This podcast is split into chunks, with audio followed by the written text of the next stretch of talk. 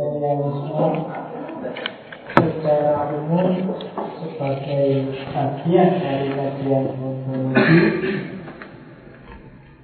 kita masuk ke fase selanjutnya dari materialisme.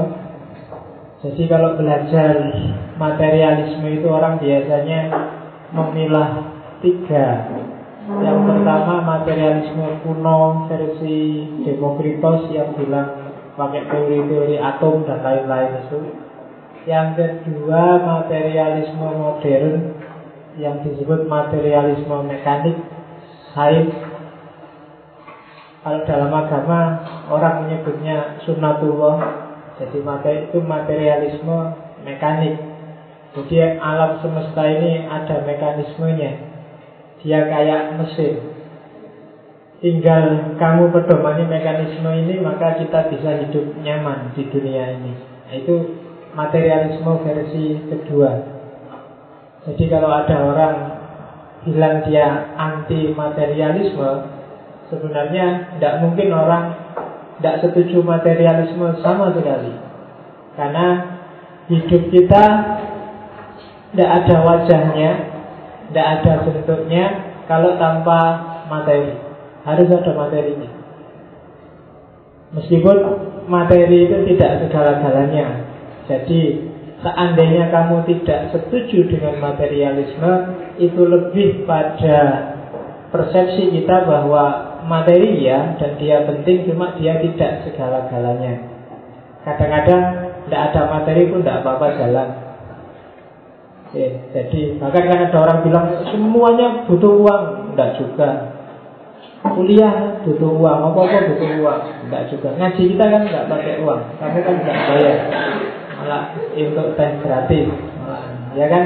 Enggak, enggak semuanya butuh uang, enggak semuanya pakai materi. Tapi yo sebenarnya meskipun kamu bilang enggak butuh uang, yo butuh juga, cuma tak mirip yang tekor. Ya, yang uangnya kan dari takmir bukan dari kamu. Tapi semua betul jadi itu materialisme mekanik. Nah hari ini kita masuk ke fase selanjutnya dari materialisme yang dikenal dengan materialisme dialektis materialisme historis.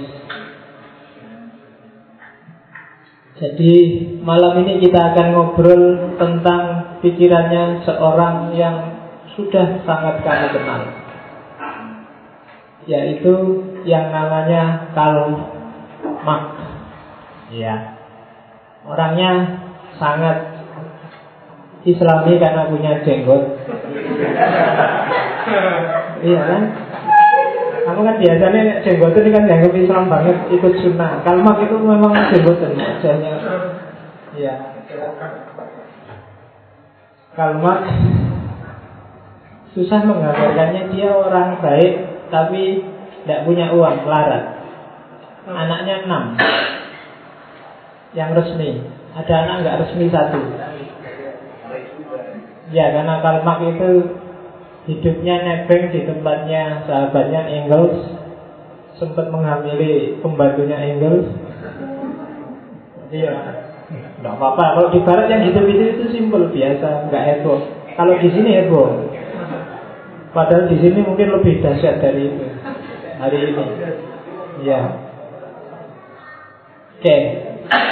Jadi tema kita malam ini materialisme, tapi materialisme yang tidak lagi semata-mata ngomong tentang mekanisme alam semesta, tapi sudah ngomong tentang sejarah. Dialektika kadang disebut juga materialisme dialektis karena metodenya pinjam dari idealismenya Hegel yang terkenal dengan dialektikanya. Jadi biasanya orang nulisnya nyambung materialisme dialektis historis atau dipakai salah satu materialisme dialektis atau materialisme historis. Oke, masuk ke akan tak jelasin satu-satu apa itu materialisme, apa itu dialektika, apa itu sejarah. Marx punya definisi yang berbeda tentang materi. Kalau selama ini sebelumnya orang mendefinisikan materi itu adalah objek indrawi sesuatu yang bisa dilihat, bisa dipegang, bisa diraba.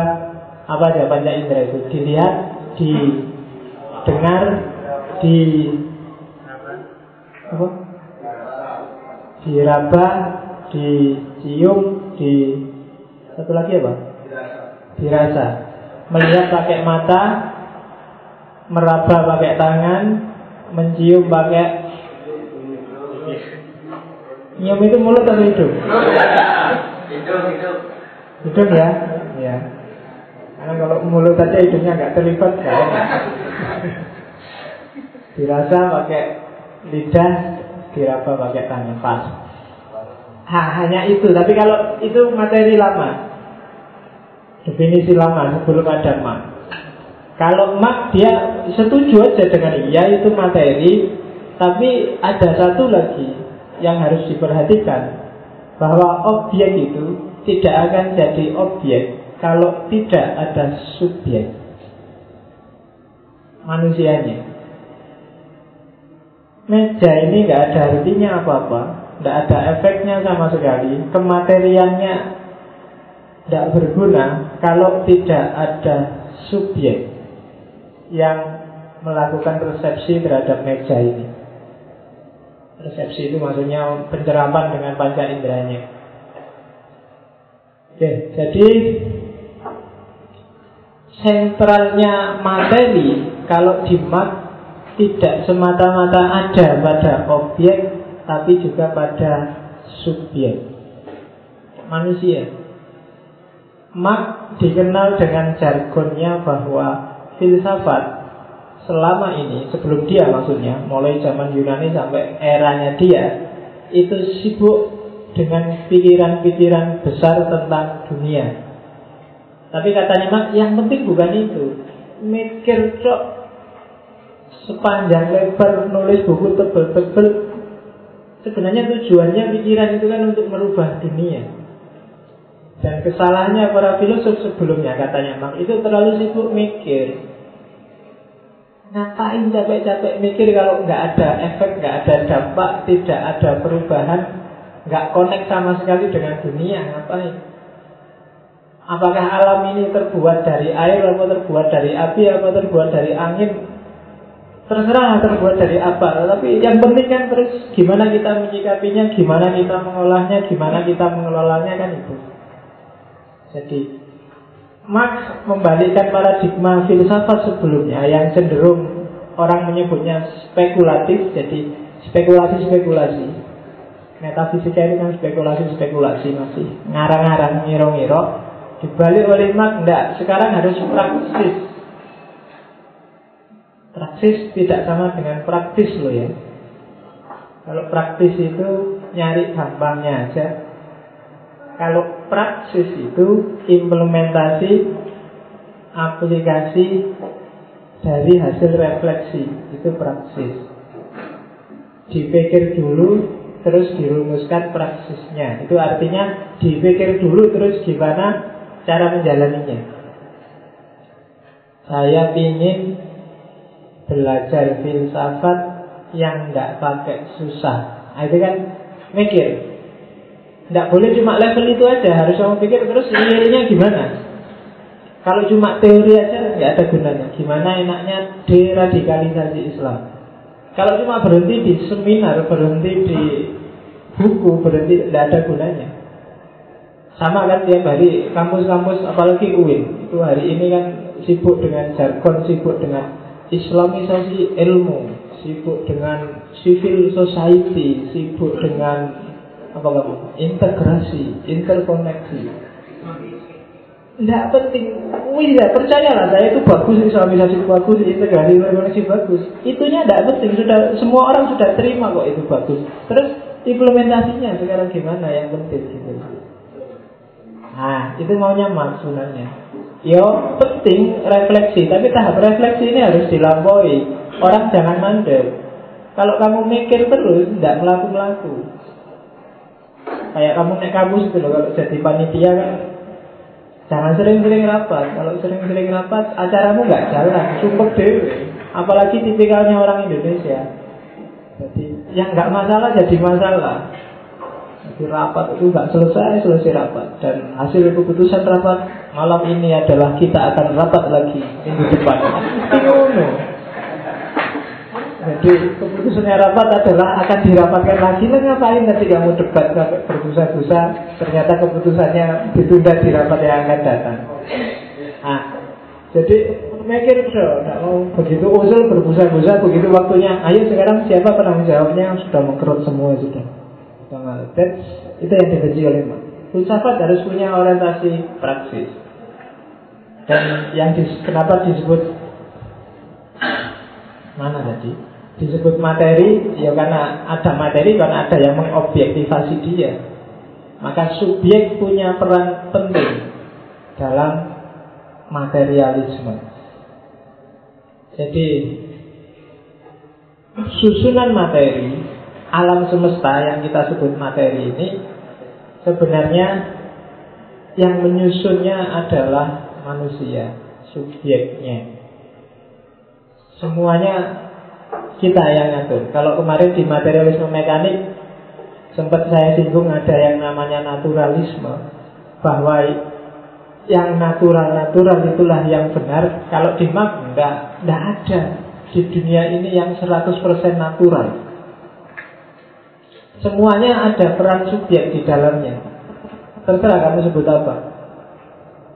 Gempa kah, banjir kah, atau masjid kah, sekolah kah, ngaji kah, kampus kah, tidak ada satupun yang bebas dari realitas yang bebas dari subjek. Semuanya hasil kerja, hasil karyanya manusia. Meskipun kadang-kadang kalau hasilnya jelek orang dalihnya terus larinya ke Allah ya sudah takdirnya. Padahal itu vokal kawin dewi. Karena kan kamu gitu kalau sudah susah sudah ah ini kan sudah takdirnya Allah. Padahal itu rekayasa dewi. Kamu nyontek terus ketahuan terus nggak lulus. Ah ini sudah takdir. Lo kok enak? Kolangmu dewi nggak lulus kok. Yang disalahnya takdir. Di situ tak kasih contoh hutan gundul lah. Kamu sakit jantung gara-gara merokok lah apa lah. Kamu kan alasannya seperti itu. Padahal itu polangmu sendiri. Tidak natural jadi yang natural-natural itu pasti di sana ada andilnya manusia. Oke. Okay. Jadi sumbangannya mak terhadap ide materialisme adalah masuknya dimensi subjek. Yang subjek itu dengan laku. Itu bahasaku laku karena orang Jawa itu kan menyebutnya laku. Aktivitas itu kan laku.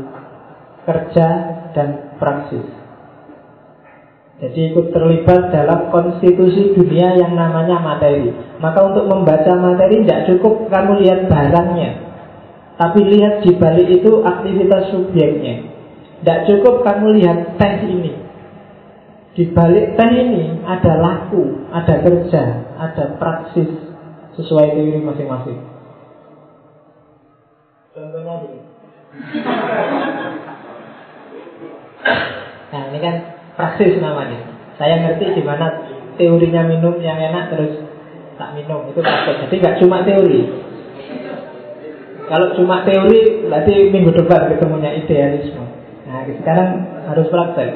Percuma kamu berbusa-busa ngomong cinta, ngomong tapi nggak pacar.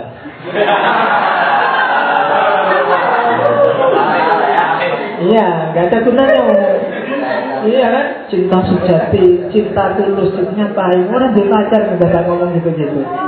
Jadi ya, jadi ngomong yang lain aja lah. Yang kira-kira kamu bisa melakukan praktisnya. Kalau enggak ya jangan lah. Eman-eman. Daripada energimu habis. Oke. Jadi materi itu selain barang yang bisa diakses oleh indera, di balik itu ada laku kerja praktisnya manusia yang terlibat di sana. Nah, terus dialektika materi dan manusia dalam hidup ini ternyata dia tidak diam sendiri-sendiri. Manusia dan alam semesta itu sifatnya dialektis, katanya Marx. Dialektis itu ya kayak dialek itu saling mempengaruhi. Aku mempengaruhi kamu, kamu mempengaruhi aku. Kita ini kan sedang berdialektika sebenarnya. Aku ngerti filsafat dikit-dikit terus ngasih tahu kamu. Saya nggak ngasih yang susah-susah, itu kan negosiasi. Mungkin aku ngomongnya sama dosen filsafat ngomongnya agak tak genjot sehingga rotok tak pakai istilah-istilah gaya biar dia ngerti kalau aku ngerti filsafat misalnya. Cuma karena di depanmu ya pakai istilah gampang-gampang aja. Itu kan dialektika namanya. Kemarin waktu kamu ke sini nggak ada perempuannya sama sekali, sakaramu dewe, orang dandan, orang dan orang adus, pokoknya ke sini begini ada ceweknya sekarang kamu dandan, rapi, tak dulu klinis-klinis aja. Nggak kayak pertemuan dulu-dulu yang awal itu, wah suram-suram wajahnya. Lo itu kan aja dialektika namanya, itu loh. Realitas yang kamu hadapi, kamu dialogkan sama dirimu dan hasilnya hari ini. Nah, itu dialektik. Dan dalam dialektika berarti apa? Segala sesuatu pasti berubah. Kamu ketemu apa berubah, kamu ketemu apa berubah, kamu ketemu apa berubah itu dialektis terus. Materinya berubah, subjeknya berubah. Subjek mempengaruhi materi, materi mempengaruhi eh, objek mempengaruhi subjek, subjek mempengaruhi objek. Dialektis. Ini warisannya Hegel. Tesis, antitesis, sintesis. Aku yang ngerti filsafat, kamu yang nggak ngerti filsafat, lahirlah sintesis ngaji filsafat. Dialektis. Dialektika. Jadi membaca realitas maka jangan dibaca aspek jangan dianggap dia diam, tapi perhatikan juga aspek dialektikanya. Kamu kok bisa sampai di titik ini itu dialog sama apa aja sih? Indonesia sampai kok wajahnya seperti hari ini itu dialektika-dialektika apa yang terjadi? SBY kok bisa gemuk kayak gitu ya? Padahal korone lagi krisis, nah, itu pasti ada dialektikanya. Nggak, nggak mungkin nggak ada apa-apa kok tiba-tiba terus SBY itu itu nggak mungkin. Dia pasti dialog. Kamu juga gitu. Kamu tiap hari sama orang kamu dikirim uang kok masih kurus saja ya. Pasti ada dialektikanya. Jangan-jangan uangnya nggak kamu beli makanan atau kamu beli itu kok rokok terus itu jadi. Nah itu dialektika. Jadi kamu baca apa pun, baca apa? Ini sebenarnya apa? Whiteboard, baca. Coba dialektika. Karena dialektika sama kamu maka whiteboard ini barang biasa-biasa aja. Tapi coba anak kampung apa yang nggak pernah ngerti gini, uh, ada layar bioskop, ada layar itu bayangannya luar biasa sekali barang layarnya LCD. Tapi kamu tiap hari lihat biasa aja. Itu dialektika. Dialektika ia melanjutkan Hegel. Tidak perlu tak jelaskan panjang. Jadi realitas itu adalah dialektika subjek dan objek, objek dan objek, subjek dan subjek. Pokoknya seluruhmu dialektika terus. Ini kelanjutannya Hegel. Bedanya sama Hegel, nah ini kebalikannya. Kalau Hegel sifatnya ideal, kalau Marx sifatnya realitas, praksis. Kalau Hegel, realitas itu adalah pengejawantahan ide. Tapi kebalikannya mak ide itu hanya penerjemahan dari realitas Jadi kebalikannya. Kalau Hegel orang mikir dulu terus baru dari situ terus dia berusaha mewujudkan ide-idenya. Tapi kalau di tidak bisa kayak gitu. Begitu orang mikir, sebenarnya yang dia pikir itu bahannya ya realitas. Jadi dialektikanya dialektika, dialektika real dimasukkan ke pikiran. Kalau Hegel dialektika pikiran terus diterjemahkan ke realitas. Hegel kan dikenal punya idealisme yang luar biasa, yang dikenal dengan idealisme Jerman. Nanti ada metafisikanya tentang roh, tentang akal absolut dan lain sebagainya. Kalau di Hegel kan alam ini ada akalnya, ada nalar namanya nalar sejarah, nalar apa ya saya lupa. Tapi nalar ini absolut. Paradigma besar dunia itu selalu ada. Jadi, oh kalau orang hari ini itu paradigmanya permisif, apa aja boleh. Sementara di abad tengah cara berpikirnya teologis, teosentris, selalu serba Tuhan. Dan kalau di era Yunani serba kosmos, kosmosentris. Ini namanya akal dunia kalau di Hegel. Kalau Marx nggak percaya ada yang kayak gitu. Ide itu awalnya dari realitas. Nggak bisa orang berpikir dari nol tanpa pijakan alam nyata. Jadi kalau dialektikanya itu sintesis, tesis, antitesisnya dalam pikiran. Tapi kalau di Marx enggak. Dialektika itu sejarah. Enggak dalam pikiran. Dialektika dalam sejarah itulah yang dibaca oleh manusia.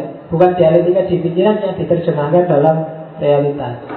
Itu bedanya idealisme dengan realisme. Materialisme. Jadi fokusnya beda. Yang satu serba mikir, yang satu serba real. Makanya mak dianggap titik awal lahirnya filsafat yang kritis, filsafat yang praksis, filsafat yang real, bukan filsafat yang melangit. Jadi kita selama berapa kali pertemuan sebenarnya ngomong tentang filsafat yang langit. Ya meskipun ya bagus saja masuk-masuk akal aja. Tidak ada filsafat yang tidak masuk akal karena memang basisnya rasional. Maka kamu jangan bingung kalau loh, baca filosofi ini kok masuk akal. Filosofi itu masuk akal juga, padahal pikirannya bertentangan. Dan jadi yang benar ini, kamu kan sering bingung kayak gitu. Nah itu karena ya memang basisnya filsafat itu akal. Jadi itu seperti persis kritiknya Ghazali, tidak jaminan yang masuk akal dan rasional itu mesti pas. Banyak hal yang masuk akal tapi tidak pas. Jadi jangan tertipu di sana. Kadang-kadang orang karena akal itu sering masuknya belakangan. Kamu suka dulu baru kamu pikir alasannya apa. Aslinya kamu males tapi terus nyari alasan. Ya sekali-sekali kan harus ambil break sebentar Pak untuk melihat realitas secara jernih. Padahal kamu males. Kan banyak yang kayak gitu. Jadi kamu melakukan sesuatu dulu terus mikirin buri belakangan. Ah itu model-model filsafat sebenarnya. Oke. Jadi sejarahnya manusia itu adalah sejarah dialektika. Jadi dari tesis ketemu antitesis dan bersatu dalam sintesis. Itu dialektika. Jadi materialisme dialektis. Sekarang sejarah. Dari sini nanti lahir materialisme historis. Jadi apa sih isinya sejarah?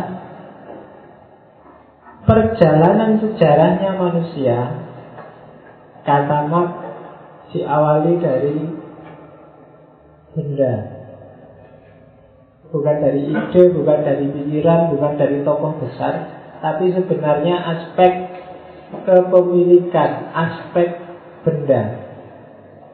Jadi cerita kita itu diawali dari apa yang kita miliki dan apa yang tidak kita miliki. Ceritanya manusia diawali dari sana. Jadi kita hidup mungkin zaman nenek moyang dulu orang primitif itu kan sejarahnya dimulai ketika dia aku ingin ini dan kalau keinginanku ingin dituruti aku butuh ini kan itu dari situ sejarah mulai jalan jadi tidak diawali dari apa cerita-cerita supranatural dari macam-macam kan banyak. Tidak, sejarah itu dimulai dari orang butuh apa dan untuk memenuhi kebutuhannya itu dia harus melakukan apa. Maka membaca sejarah manusia Jangan lupa baca aspek kebendaannya, baca aspek materinya, baca aspek ekonominya. Dan itu menentukan. Agama awalnya termasuk dari situ kalau nanti kita lanjutkan diskusinya. Orang primitif kenapa dia menyembah laut, menyembah pohon, menyembah gunung? Ya karena dia ingin menguasai laut, ingin berlayar, mungkin cari ikan, ingin memanfaatkan pohon, ingin dan dia pengetahuannya terbatas. Wawasannya masih belum nyampe. Biar tidak membahayakan dia, lautnya terus dikasih saja. Lahirlah agama-agama primitif. Awalnya dari benda. Awalnya dari ekonomi. Politik juga begitu, sosial juga begitu. Sosial itu kan ketika aku butuh ini, aku bisanya ini, kalau tak anui semua nggak nyampe kebutuhanku, eh dia, ah ini harus bareng-bareng ini, kalau sendirian nggak bisa ini, terus jadilah masyarakat. Jadi membacanya harus komprehensif, jadi tidak cuma aspek idenya, aspek oh manusia ini akalnya sudah tinggi, akalnya karena akalnya besar maka dia hidupnya berubah. Tidak, sebenarnya tarikan-tarikan materi. Sampai hari ini sejarah itu berawal dari materi. Begitu materi berubah, ceritanya akan berubah. Kamu bisa ngumpul di sini, nongkrong di sini hari ini itu kan karena materi dan kepemilikan yang kamu punya ya baru sampai itu. Mungkin kamu karena punyanya cuma motor dan hidup di kos-kosan, uangmu juga cuma segitu, Jadilah kamu mau ikut ngaji ini. Tapi tak bayangkan misalnya tiba-tiba kamu kaya, punya Alphard, duitmu banyak, saya nggak yakin kamu mau datang ke sini. Iya. Banyak yang kayak gitu. Jadi begitu, jadi tarikan-tarikan materi itu menentukan perilaku jangan salah. Kalau uangmu banyak mungkin ngapain datang ke sini, paling dikasih air tak gelas, kamu nongkronglah di kafe apa di mana lebih enak, mesti gitu. Materi menentukan. Oke, jadi Mark dengan ngomong seperti ini sebenarnya dia sedang mengkritik Hegel. Kalau di Hegel perilakunya manusia itu diatur tadi oleh akal bareng-bareng, akal dunia. Jadi orang baik kalau akalnya sehat dan orang jelek itu kalau akalnya nggak jalan kalau enggak, enggak itu katanya Mark. Akalmu sehat pun kalau nggak punya uang, nggak punya apa-apa juga penting. Buat apa akal sehat kalau kamu tidak bisa makan? Kan itu. Katanya Mat. Meskipun kamu agamanya tinggi, orang soleh luar biasa, tapi kalau anak istrimu nggak makan juga ceritanya jadi berbeda. Nah, katanya mak sejarah diawali dari faktor kebendaan, kepemilikan, ekonomi. Tarian-tarian ekonomi itu penting. Dan ini nanti yang disebut base structure Intinya ini, nanti ada agama, ada lembaga sosial, lembaga budaya itu selanjutnya. Tapi dasarnya pasti ini. Maka mat dari sini terus orang menyebutnya, oh berarti itu tergolong materialisme historis. Sejarah cuma basisnya materi. Bandingkan kamu belajar sejarah selama ini. Basisnya kan basis apa cerita-cerita sejarah itu Bagaimana Pangeran Diponegoro yang sakti cuma ngangkat pedang aja Belanda kan. Coba dibaca aspek materinya. Kenapa Pangeran Diponegoro tiba-tiba marah luar biasa? Banyak kasus sebenarnya, cuma kan dia meledak memberontak Belanda kan ketika tanahnya milik leluhurnya sama Belanda mau di gusur mau dijadiin jalan materi apalagi Coba baca sejarah-sejarah orang besar itu. Sebenarnya kalau dicermati ya materi. Bahkan sejarahnya Nabi Muhammad itu kan kenapa kok sampai Nabi terusir sampai hijrah itu sebenarnya pergesekan materi. Orang Arab itu sebenarnya Allah sudah kenal sebelum Nabi memperkenalkan Allah, cuma dengan ide yang sedikit berbeda. Hanya saja mereka gengsi ngakui Nabi, nggak mau ngakui Nabi.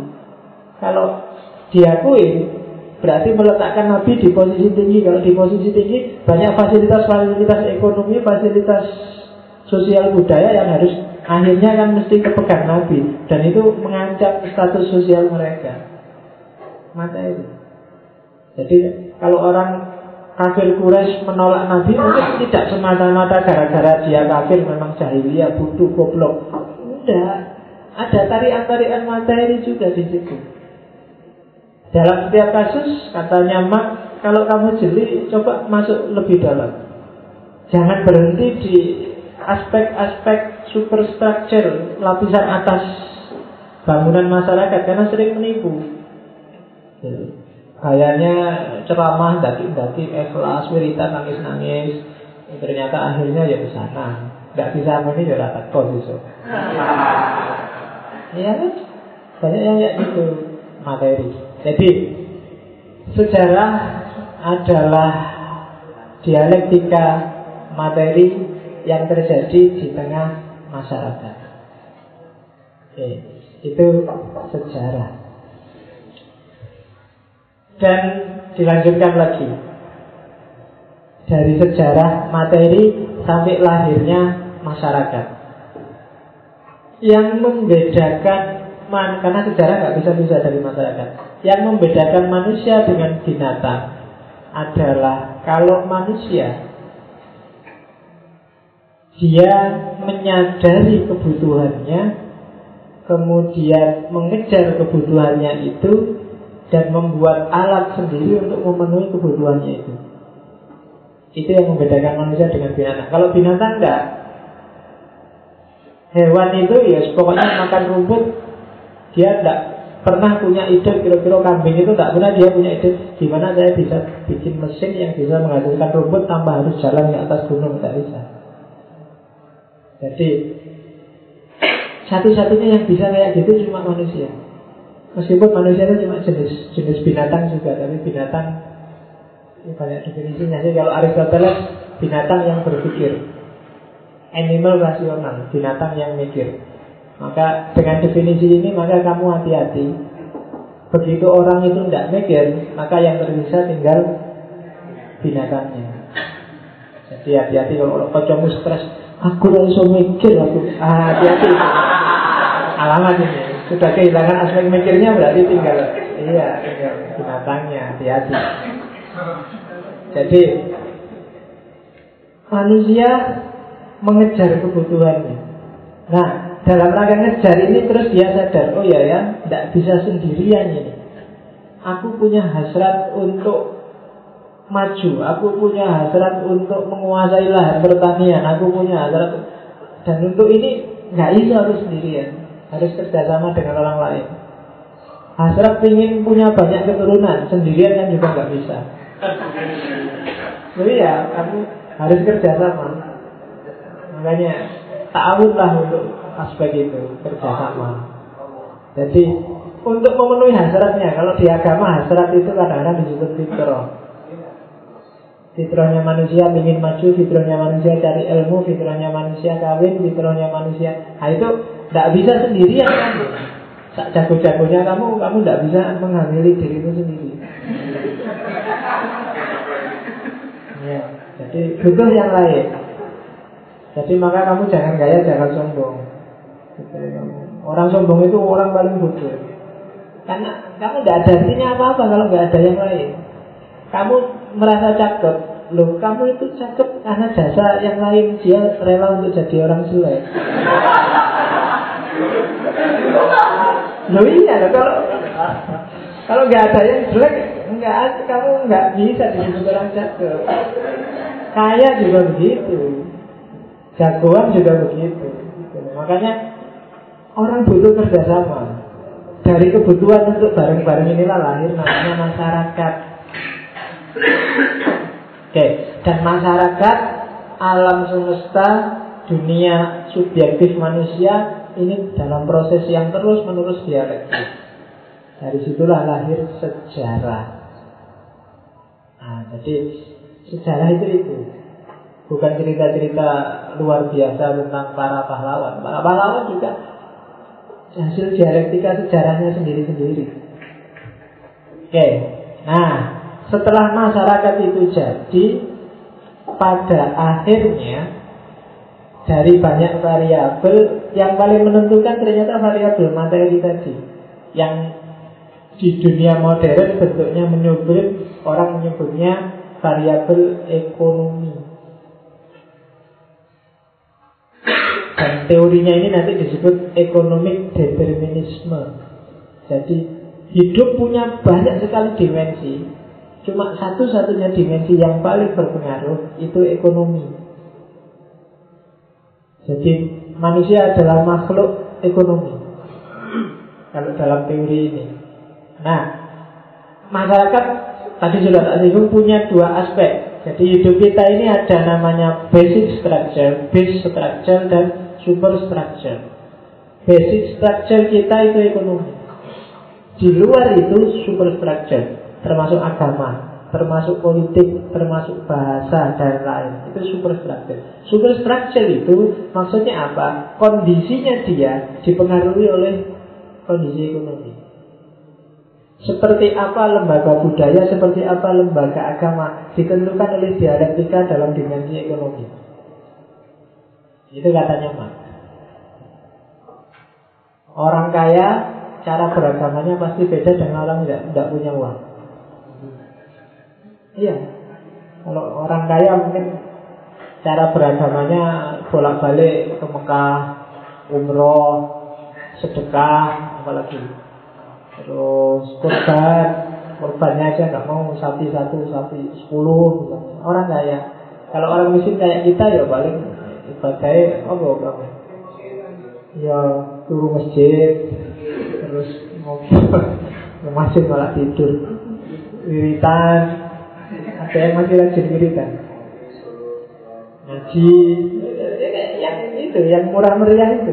Lembaga agama ditentukan oleh ekonomi ternyata gitu. kamu nggak bisa pamer saya ingin Islamku kafah pak. Saya naik haji. Nggak bisa ternyata. Ekonomi. Saya ingin saudara sebanyak banyaknya begitu buka dompet. Ah dompet isinya tinggal dua lembar. Itu pun yang satu isinya cuma bon utang kemarin. Jadi dari siji ya gitu. Tidak bisa kan ibadah full. Ternyata agama superstruktur budaya juga begitu. Gaya mode budaya relasi sosial politik apalagi politik hari ini. Kamu sukses apa enggak di dunia politik? Ya tergantung ekonomi. Saya baru dapat SMS dari teman di Probolinggo itu. Kemarin Jawa Timur waktu pilihan waktu hampir semua semua calon itu bagi-bagi duit.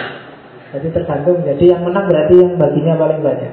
Cuma di tempat teman saya itu masjidnya dibeliin karpet dibeliin angin dibeliin macam-macam. Seorang anu, di antara calon gubernurnya. Begitu dia kalah diambil lagi jadi kayaknya diambil lagi. Kipas kipas anginnya diambil lagi jadi ngalah kok. Jadi dan dengan santainya kayak gitu. Politik gitu kan. Ternyata basic structure yang menentukan ekonomi. Bahkan kondisi psikologismu juga kan basic structure menentukan ekonomi. Kalau pas kamu banyak kamu senyum senyum nggak ada apa-apa pakai ketawain ada. Kalau ada temennya sumpah kamu kayak Allah hidup itu santai pak. Kamu banyak uang dengan santainya kamu nasihatin orang lah melecehkan orang lah. Coba dompetmu tipis kamu meremut sudah. Temenmu dajal ketawa ngakak-ngakak kamu. Bisa ketawa pokoknya. Hidup ini tidak adil ternyata. Ekonomi. Jadi katanya mat superstructure realitas yang tampak super itu ada di atas ini ditentukan oleh basic structure-nya ekonomi maka masyarakat yang kaya dengan masyarakat yang miskin nanti pola hidup, gaya hidup, strategi hidupnya juga beda-beda. Ekonomi menentukan. Kiai-kiai itu kan juga gitu. Zaman saya dulu, saya nggak tahu sekarang jarang tampil dulu siapa Ustadz Haryono yang pengobatan yang ya. Saya punya teman jadi pasukannya Ustadz Daryono. Jadi dia disuruh pakai seragam putih-putih kalau pas lagi wiritan tugasnya satu nangis. Astagfirullah dia harus nangis terus. Aku nah, itu dan dibayar mahal hanya untuk itu. Ekonomi dan orang terus percaya kan, oh iya ya sampai nangis-nangis gitu berarti memang tingkat kekiaiannya itu sudah tinggi. Kan kamu percaya dengan jadi itu untuk bisa gitu kan bermodal itu lo bayarin orang. Apa yang tidak bisa hari ini kalau ekonomimu beres? Tapi begitu ekonominya kacau Allah sudah surga neraka sudah sumpah kamu. Pacar aja saya nggak jamin kamu bisa kalau ekonominya ruwet apa ada sekarang pacar yang mau kamu nggak kalau makan bayar sendiri-sendiri ya. Kalau kamu minta dijemput, tolong bensinnya ya. Kalau nggak ada, sudah kamu bubar. Kalau nggak ada ekonomi putus insya Allah. Ekonomi menentukan. Oke, kalau malam kemis diajak, ayo traktir aku dong. Alah, ngaji aja ada barokahnya lumayan dapat teh. Daripada kalau ke warung bayar. Kenapa ekonomi ternyata kuncinya? Jadi basic structure menentukan super structure. Baik di level individual maupun di level sosial. Kenapa dulu di dunia sosiologi ada teori Oh kalau orang desa itu cenderung kerjasama Cenderung rukun Cenderung saling tolong menolong Kenapa bisa begitu? Karena ekonomi. Sementara orang kota cenderung egois Diajak kerja bakti nggak mau Diajak apa-apa nggak mau. Kenapa? Ekonomi dia kaya. Waktunya kerja bakti tinggal bayar itu baktinya suruh keluar. Tapi ya di desa nggak bisa bayar sopo. Buat makan aja pontang panting akhirnya yuk kerja bakti dewi keluar sendirian. Dan terusnya itu jadi dia jadi rukun kalau di kampung. Dari sisi itu jadi ternyata harmoni rukun tidak rukun itu hubungannya juga sama ekonomi lo emangnya teroris-teroris itu bisa ngebom bisa merekrut orang bisa bikin pelatihan kalau nggak ada uangnya ya nggak jalan kalau ingin menghentikan itu semua gampang. Putus saja sumber dananya, selesai. Kalau nggak ada dananya mau apa dia? Paling kan cuma ceramah misalnya. Ya kan? Mau latihan gimana? Beli alatnya bom gimana? Nggak bisa. Kuncinya ada di ekonomi. Oke. Itu masyarakat. Terus jadi relasi ekonomi nanti pada gilirannya berpengaruh pada relasi sosial. Misalnya tak kasih contoh hukum. Hukum kadang-kadang dirumuskan hanya untuk melindungi kepemilikan pribadi. Dimanipulasi untuk kepentingan satu dua orang. Dan yang kepentingan satu dua orang itu kan pasti satu dua orang yang jaya secara ekonomi. Bagi orang kaya penjara tidak apa-apa di penjara. Di penjara bisa beli LCD pakai bed. Kos-kosannya apa? Kos-kosanmu yang kamu tempati sekarang itu dengan penjaranya para koruptor itu jauh. Ya kan mungkin kamu lebih milih di penjara asal penjaranya kayak para koruptor itu. Fasilitasnya. Dia kan spring bednya tebel-tebel pakai LCD besar-besar pakai audio videonya luar biasa. Kalau kamu aja kasurmu aja tipis segini kayak tidak pernah dicuci orang lihat itu malah malah penjara. ya kan? Itu yang bikin kamu tidak kerasa di kamar itu kan jadi meluyur. Ya begitu masuk kamar kan langsung aduh. Jadi kan ekonomi menentukan. Saya punya teman jadi apa di Jakarta keponaannya itu dulu punya kerjaan gantiin Tommy waktu di Nusa Kambangan. Loh, lumayan. Sekali gantiin sehari dia bisa dapat 16 juta. Lumayan daripada kamu nongkrong nggak ada gunanya gitaran nonton bal-balan kok gantiin koruptor-koruptor di penjara itu kamu dapat banyak. Iya kan? Zaman dulu nggak tahu Sekarang peluang kayak gini banyak. Kamu lidah-lidahnya tanya-tanya. Oh, sekarang koruptornya banyak. Ya, koruptor itu tiap akhir pekan dia mesti minta pulang. Dan kalau sewaktu-waktu ada sidak kan harus ada yang ganti. Nah, kamu yang merasa wajahnya agak mirip-mirip koruptor, Kalau nanti diterima kamu ganti ini. Jadi, secara ekonomi ternyata Loh, bahkan surga aja kalau kamu kaya gampang. Kamu tinggal carilah kiai yang menurut kamu paling ampuh doanya. Kamu temuin, kasih uang, Pak Yai, saya didoain masuk surga ya.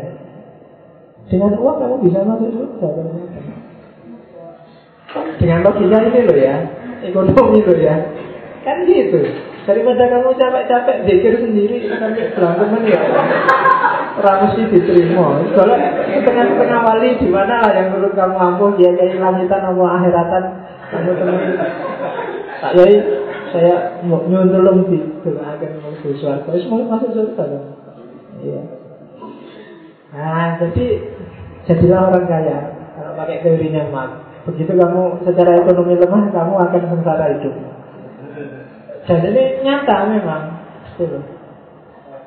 Tidak main-main ini teori Jadi tidak idealis lagi Ini memang lawannya idealis, materialis Orang harus materi Biar kebutuhanmu terjadi Kalau enggak, ya prihatin.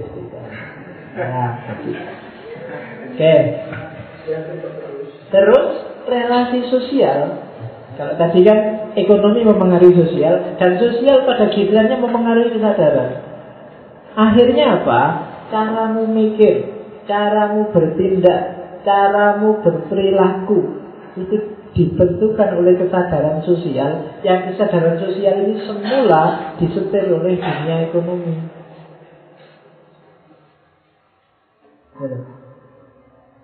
Kalau uangnya banyak, gayamu juga sudah beda. Caramu menangkap realitas juga sudah beda. Bandingkan dengan kamu yang tidak punya uang. Orang kaya, saya masih ingat benar zaman saya mahasiswa dan beli duit, kalau ingin makan enak itu di wanita tama kalau pas ada orang nikahan. Ya, cuma dulu kenal saya sama satpamnya, jadi maksudnya dari belakang. Jadi kan zaman itu lihat makanan enak itu krius pokoknya luar biasa kayaknya kayak orang nggak pernah makan berapa tahun. Tapi sekarang mungkin adalah biasa aja. Ada ekonomi yang berbeda antara zaman dulu dengan zaman sekarang. Dan itu menentukan perilaku. Gayanya orang tidak punya uang dengan uangnya banyak itu beda. Disadari apa enggak? Maka relasi sosial mempengaruhi kesadaran jangan salah. Ya meskipun ada satu dua orang yang gayanya kayak begitu oke padahal ya enggak. Eh, jadi Justru orang yang kayaknya kayak duit THT itu biasanya duitnya gede. Cino-cino yang uangnya banyak itu biasanya ya kayaknya kayak nggak punya uang. Tapi yang jelas kesadarannya berbeda. Ah di situ contohnya kalau dimakan buruh sama juragan. Kalau buruh itu kan dia hopeless, nggak punya harapan. Satu-satunya harapan ya gimana caranya dia bisa survive. Yang penting rapi pecah, yang penting bayaran yang mudah cuma itu yang dipikir. Beda sama juragan. Dia bisa lebih luas, gimana bisnisku lebih banyak, gimana alat produksinya lebih tambah dan seterusnya.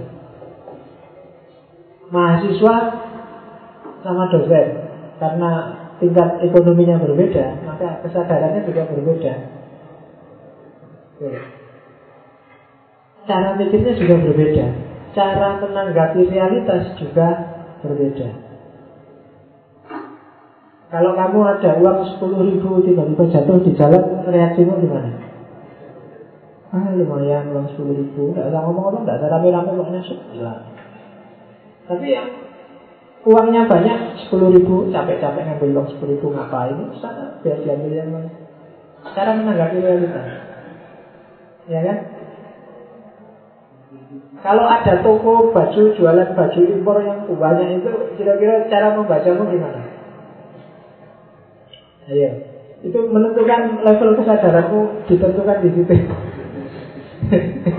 Kalau kamu, wah lumayan ini baju bagus-bagus, murah-murah lumayan, nah itu levelmu berarti di situ. Atau kalau levelmu, ah baju kayak gitu, ngapain beli lagi? Nah, levelmu lumayan kalau sudah kayak gitu.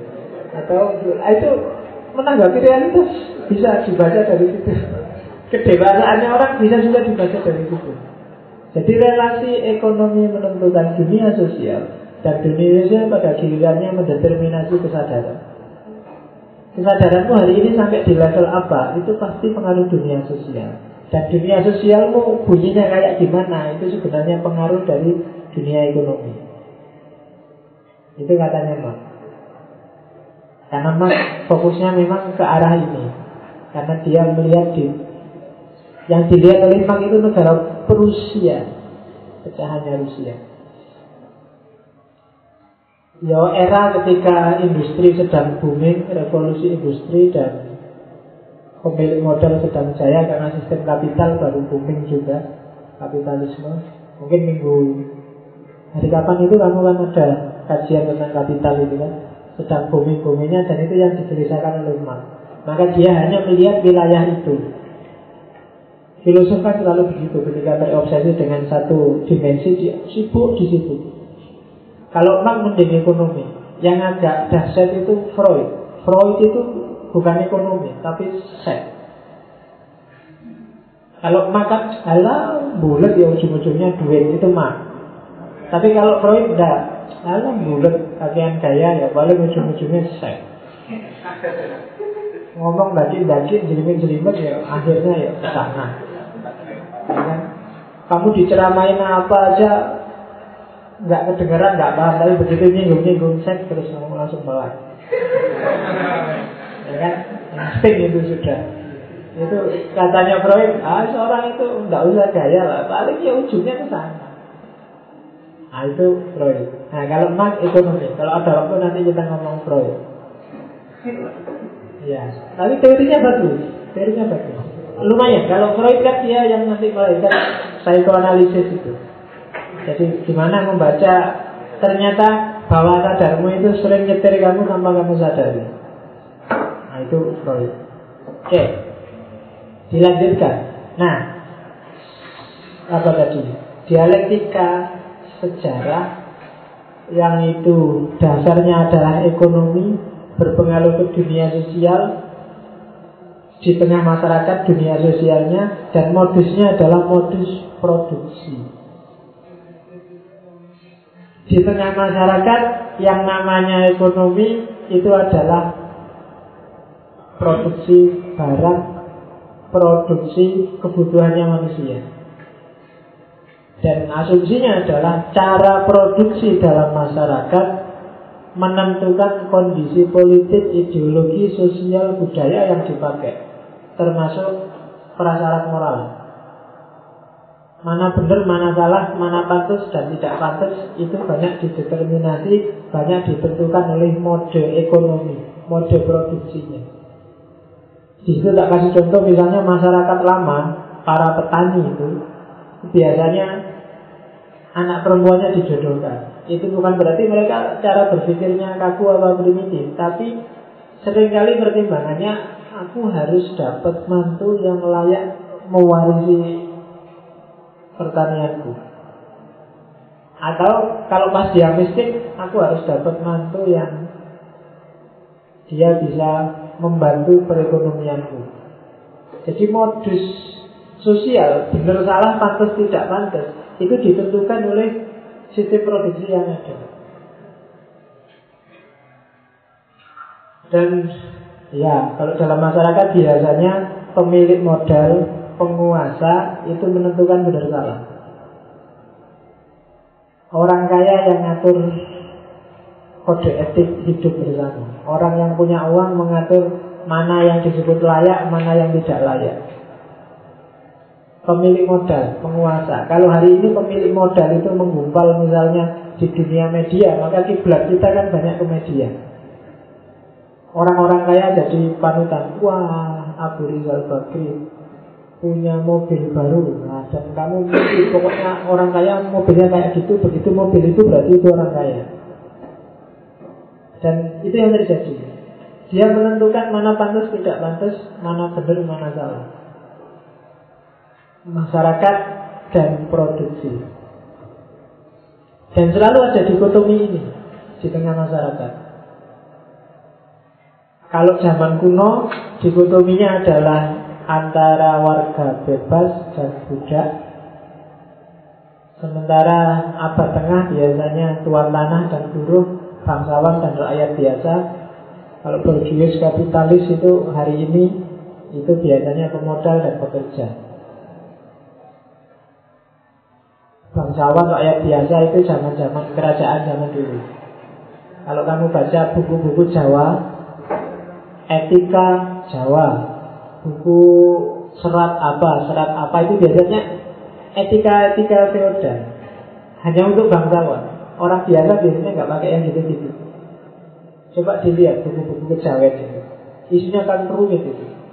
Etik, cara hidup, cara berperilaku. Tapi sebenarnya itu untuk bangsawan. Orang biasa nggak terlalu care dengan itu. Dan itu kelas di masyarakat. Selalu ada dikotomi kelas. Kita terbiasa berpikir double. Double itu berpikir dua. Kalau bahasa filsafatnya binary opposition. Selalu dua. Dan masyarakat juga sering kita lawankan dua kelas. Pemerintah dan rakyat, bangsawan, rakyat biasa. Nah, kalau mat yang dilihat adalah pemodal dan pekerja. Jadi antara orang yang kaya, yang punya modal dengan pekerja. Saya tidak tahu, ada asumsi bilang bahwa ketika sesuatu itu tidak ada lawan katanya, biasanya itu kebenarannya lebih tinggi levelnya dibandingkan yang ada lawannya. Allah itu tidak ada lawannya. Allah lawannya setan, enggak. Setan levelnya di bawah, dia nggak ada lawannya. Cinta, cinta itu nggak ada lawannya. Kamu bilang benci, enggak. Kalau benci itu lawannya suka, tapi kalau cinta enggak, enggak ada lawannya. Level kebenarannya lebih tinggi. Ya kowe percaya apa ora sak Ya. Jadi, dan kalau kamu pacaran kan ngono, aku cinta padamu. Terus ditolak ganti. Aku benci padamu. Berarti tadi belum cinta sebenarnya. Kalau sudah cinta, tidak bisa jadi benci. Tapi kalau suka bisa. Oh, kelas dulu lagi, ratakan dulu. Wes pokoknya kamu perhatikan aja. Cuma ya kayak pacarannya kan kelihatan. Kalau masih suka itu biasanya masih banyak gombalnya. Ya kan? Wah, kamu cantik sekali seperti bidadari semua. Mesti gombal itu. Dan perempuan jangan mau kalau kamu disamakan dengan bidadari. Kalau pacarmu bilang kamu kayak bidadari itu alamat kamu tidak akan dinikahi oleh dia. Iya karena bidadari itu dinikahinya besok di akhirat.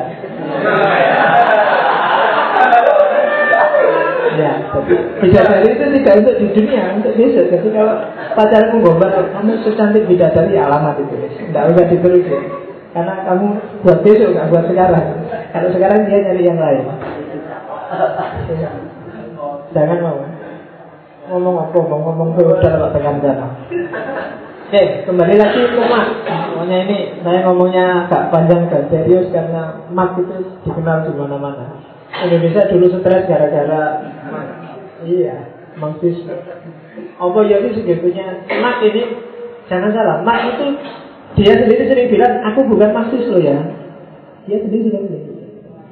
Yang kamu benci setengah mati oleh orang Indonesia namanya komunisme itu yang merumuskan bukan mak. Istilahnya aja tidak dari mak. Meskipun mak nanti masuk salah apa organisasi-organisasi partai-partai komunis, tapi tidak dari dia. Jadi Marx menginspirasi banyak orang meskipun dia sendiri bilang aku bukan loh. Nah itu. Kadang-kadang pertanyaan retoris kayak gini penting. Saya kapan itu ada pertanyaan di kelas, tapi menarik. Pertanyaannya, Yesus itu Kristen nggak pak? Iya, Yesus itu Kristen nggak? Ya kita susah ya. Ternyata Tuhannya orang Kristen ternyata nggak Kristen. Real Kristen itu kapan datangnya? Jauh setelah Yesus nggak ada jadi. Iya ya, Yesus ternyata ya enggak Kristen juga. Oke.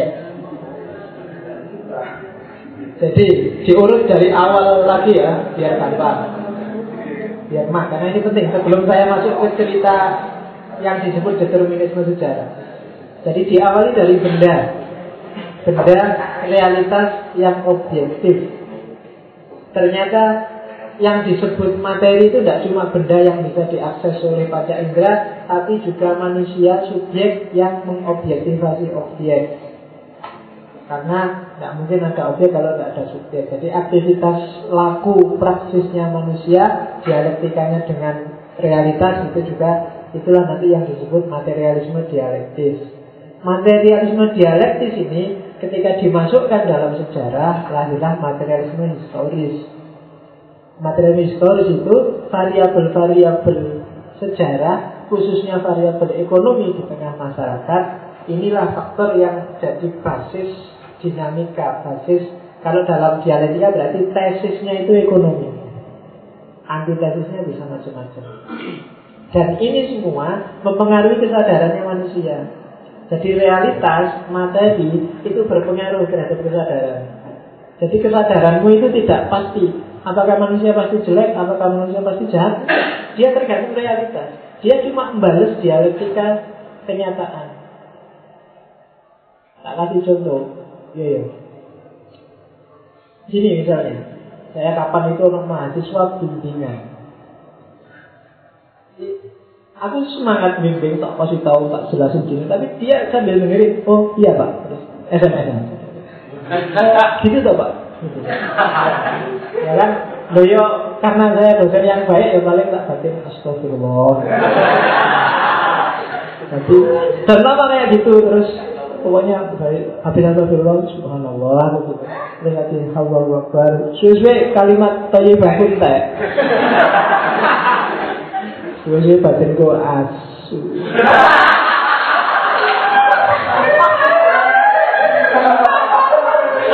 Si ngomong serius-serius deh. Oh gitu tuh pak? Iya pak. Iya kan? Jadi awalnya apa-apa Astagfirullah Subhanallah Sesuai koleksi kalimat baiknya habis itu kan dialektika namanya Ini orang baik-baik dan berusaha kalau ya. Coba dia tidak gitu, aku masih dosen yang alim Gara-gara polahmu ya jadi Iya, itu yang disebut dialektis kamu tanya, lu, lu terus dasarnya bapak itu baik apa buruk? Nggak ngerti ya, dia ngerti kan dengan sejarah aja yang bikin aku kadang apa kadang elek.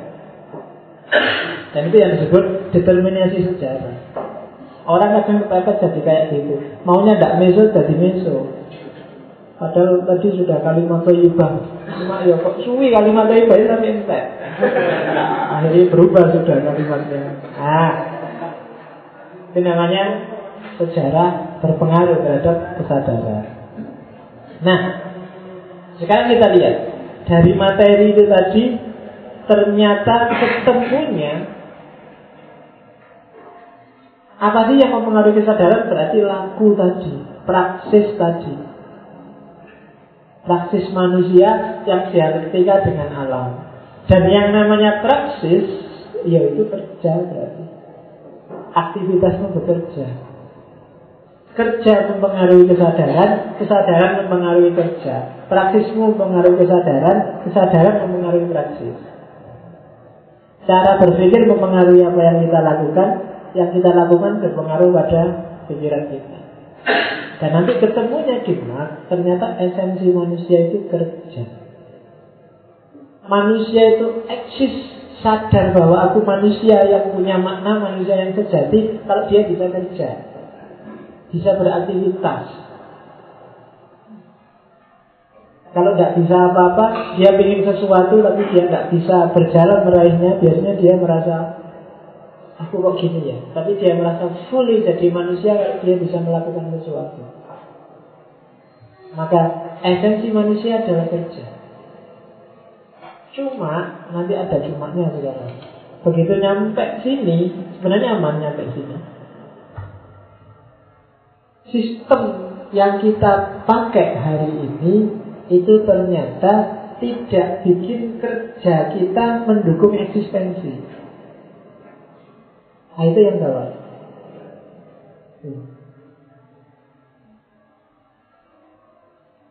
Sebelum ada kapitalisme misalnya sistem kuno, orang kerja itu ya dia serius, dinikmati sendiri, hasilnya dirasakan sendiri dan dia puas dengan itu.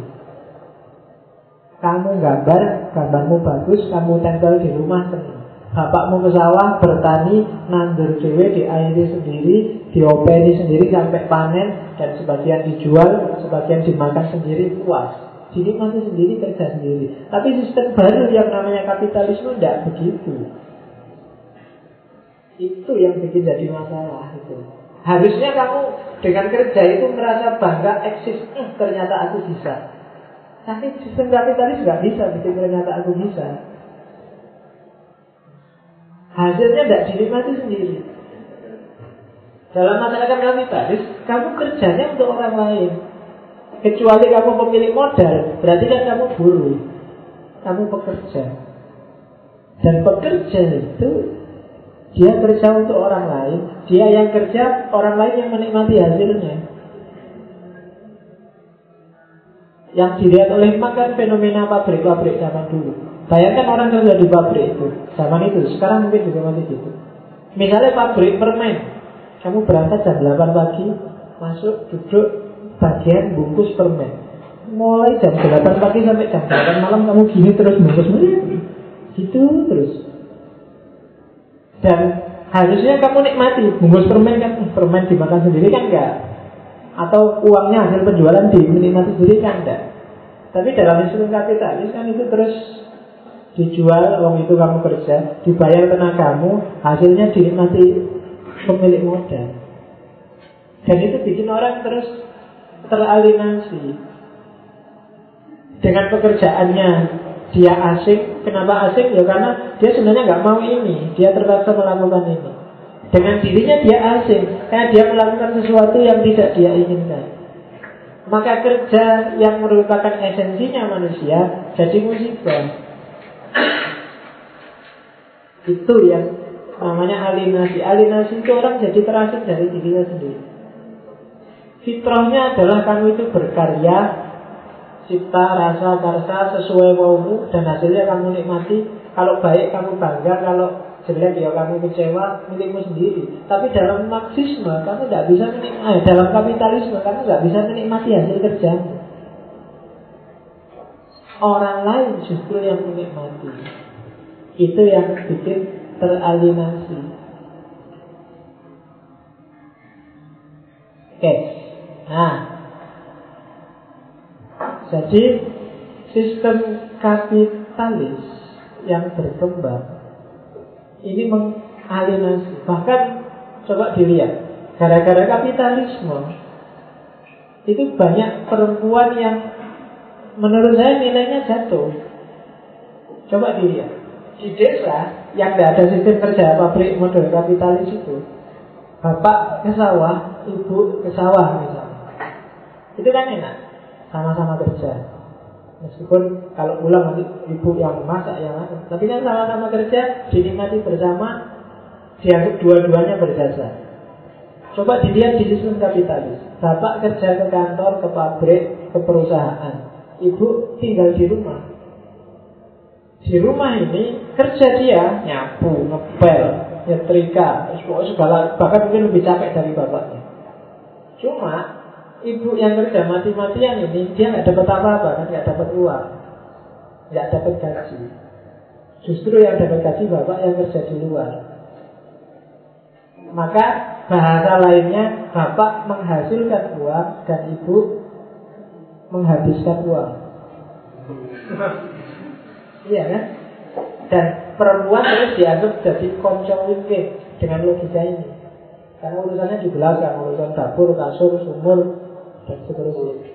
Sementara laki-laki di luar rumah merajalela cari uang, dapat uang. Kadang-kadang nggak ngapa-ngapain di kantor itu cuma nyampe kantor baca koran ngerokok-ngerokok ngobrol terus pulang marah-marah karena nasinya belum matang sementara ibu yang kerja potong manting karena dia nggak dapat uang derajatnya jadi berbeda jatuh nilai uang jadi luar biasa Bandingkan dengan masa lalu yang sama-sama ke sawah, sama-sama menikmati panennya, nggak ada hierarki, sama-sama dianggap berjasa dalam keluarga. Tapi di sistem yang baunya kapitalis ini enggak.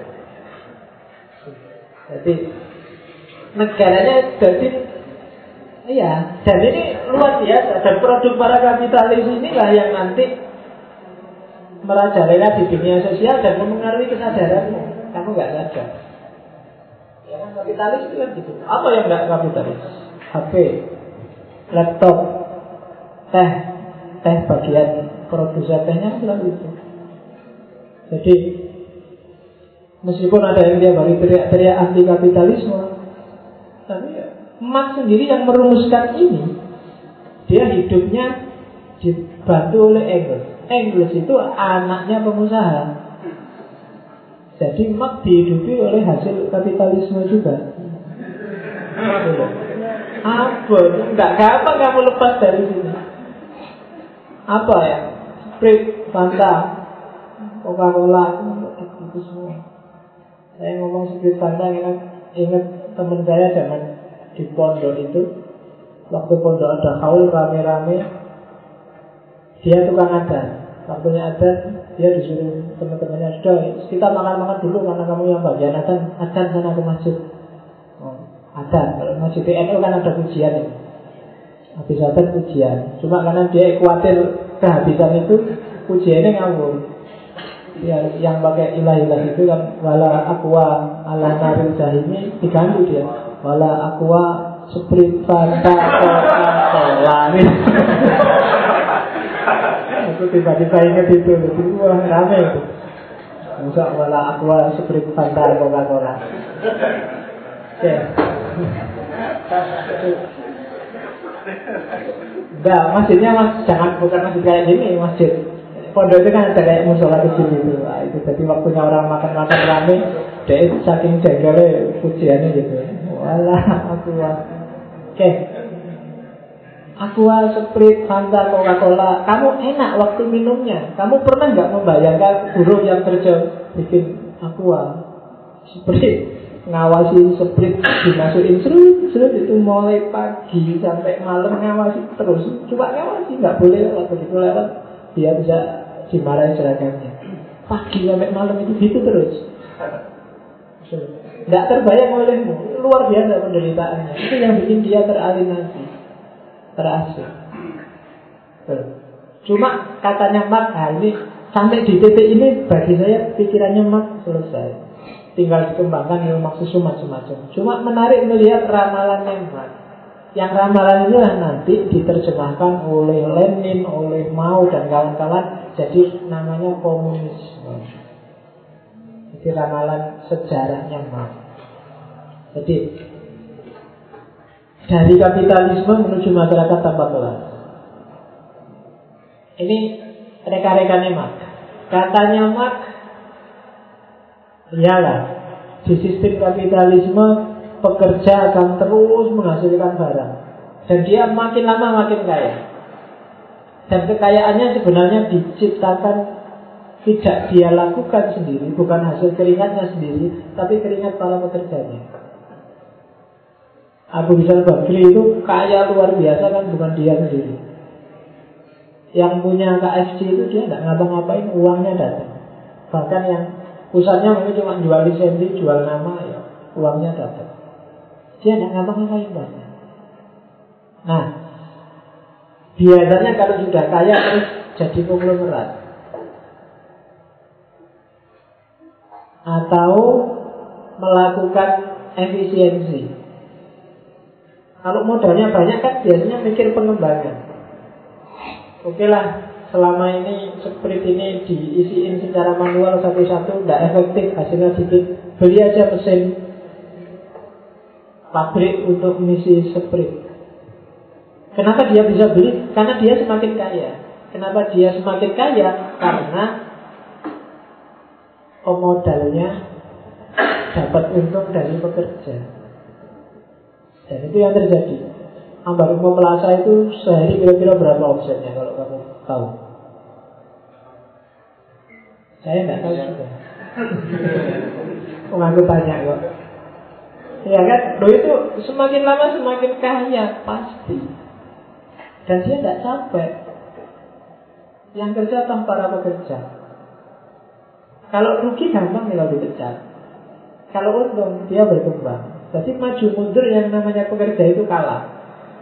Maka logikanya pekerja kan kayak tadi Akhirnya berpengaruh dalam kesadarannya Pokoknya yang dipikir biaya caranya tidak dipecat Gimana caranya bisa survive Kan cuma itu aja Cuma katanya Mak Jangan takut Meskipun betapapun merajalelanya kapitalisme Kalau dia berkembang jaya terus Pada akhirnya dia akan menghancurkan dirinya sendiri Kalau pekerja semakin lama kedudukannya semakin lemah, justru mengancam dirinya sendiri. Kalian. Kalau dia untung terus, maka akan melakukan efisiensi. Beli mesin baru, pabriknya semakin besar.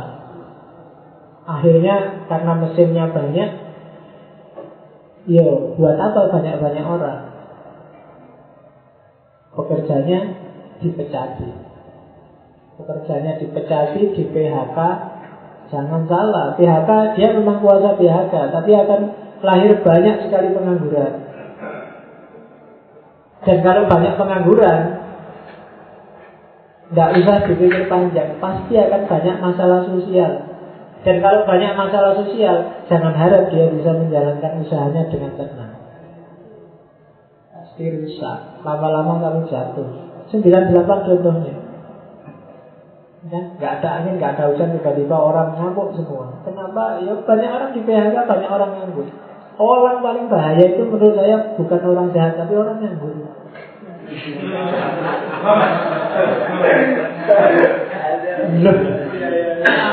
Orang nganggur itu komplit. Jadi dia pikirannya judek, mau maju nggak jelas, mundur nggak jelas, mau ngapain nggak tahu. Oh jangan salah. Makanya Indonesia itu kaya dengan pengangguran sebenarnya kita negara yang kuat. iya, bos kalau sedang cukup jangan macam-macam. Malaysia kalau berani-berani habis. Jangan TNI-nya yang turun, ngapain? Nganggur-nganggur dulu. Iya kan? Oh udah nganggur judek malah diprovokasi. Iya kan? Jadi hati-hati begitu nggak gampang gampang. Kayak kemarin buruh nuntut UMR. Loh itu kalau di, mereka bisa kompak terus mogok semua, apalagi terus pemerintah memutuskan UMR tinggi, akhirnya perusahaannya marah terus dipecati semua. Iya dia kuasa pecat, tapi jangan salah, begitu banyak pengangguran, masalah sosial akan banyak. Dan kalau masalah sosial akan banyak, tinggal nunggu waktu. Bisnismu nggak akan lancar. Dan itu ramalannya mah. Jadi kalau dia untung, ah, jangan salah, makanan produksi banyak pengangguran. Pokoknya hati-hati kamu dekat nganggur ya. Terus ya. Itu kalau untung Kalau dia rugi Biasanya kan Alternatifnya kalau dia rugi ya perusahaannya tutup. Atau kalau nggak tutup ya Upahnya diturunkan. Ya kan? Upah pada pegawainya. Atau kalau nggak bisa juga paling PHK Baik upah diturunkan atau PHK kan hasilnya sama. Pengangguran. Atau kalau upah diturunkan ya paling tidak kan terus daya belinya jatuh. Daya beli masyarakat jatuh. Kalau daya beli masyarakat jatuh Termasuk juga banyak pengangguran Hati-hati Pemodal juga terancam. Jadi ya Bagi yang punya usaha makanya Jangan kejem-kejem sama anak buahnya Sama pekerjanya. Karena untung atau rugi pun ada resikonya. Makanya jangan kemelinti Nah, jadi Di yang pertama Menghasilkan pengangguran Di yang kedua juga menghasilkan pengangguran Sebenarnya kalau dia rugi juga di PHK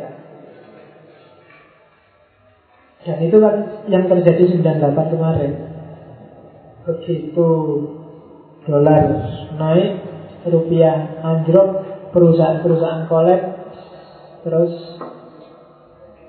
PHK besar-besaran. Di mana-mana banyak orang stres karena di PHK. Meledaklah kerusuhan besar-besaran tahun 98. Kalau memang nganggur dari awal mending Kalau habis kaya raya atau habis hidup bergantung pada kerjaan terus nganggur Itu stresnya double Iya jadi maka itu yang terjadi sebenarnya. Jadi ramalannya mak, Allah jangan gaya kapitalisme. Kamu untung apa rugi, hasilnya sama. Kalau kamu untung hasilnya ya akan ada masalah-masalah sosial yang timbul dan kalau kamu rugi ya apalagi maju atau mundur kamu akan kalah. Katanya mah ini ramalan loh ya. Nanti banyak kritik juga terhadap ini cuma ya enggak sekarang. Saya masih harus cerita banyak sebelum kritik mah oke. Tadi diawali dari pengangguran yang banyak tadi. Begitu banyak pengangguran begitu banyak orang susah kalau banyak orang terpinggirkan akan jadi revolusi. Kayak 98 tadi. Di revolusi itu ramalannya mak kaum proletar. Ya lawannya kaum borjuis borjuis itu orang-orang kaya proletar itu orang-orang ya pekerja. Saya tidak tahu kamu golongan borjuis atau proletar borjuis itu yang suka beli burjo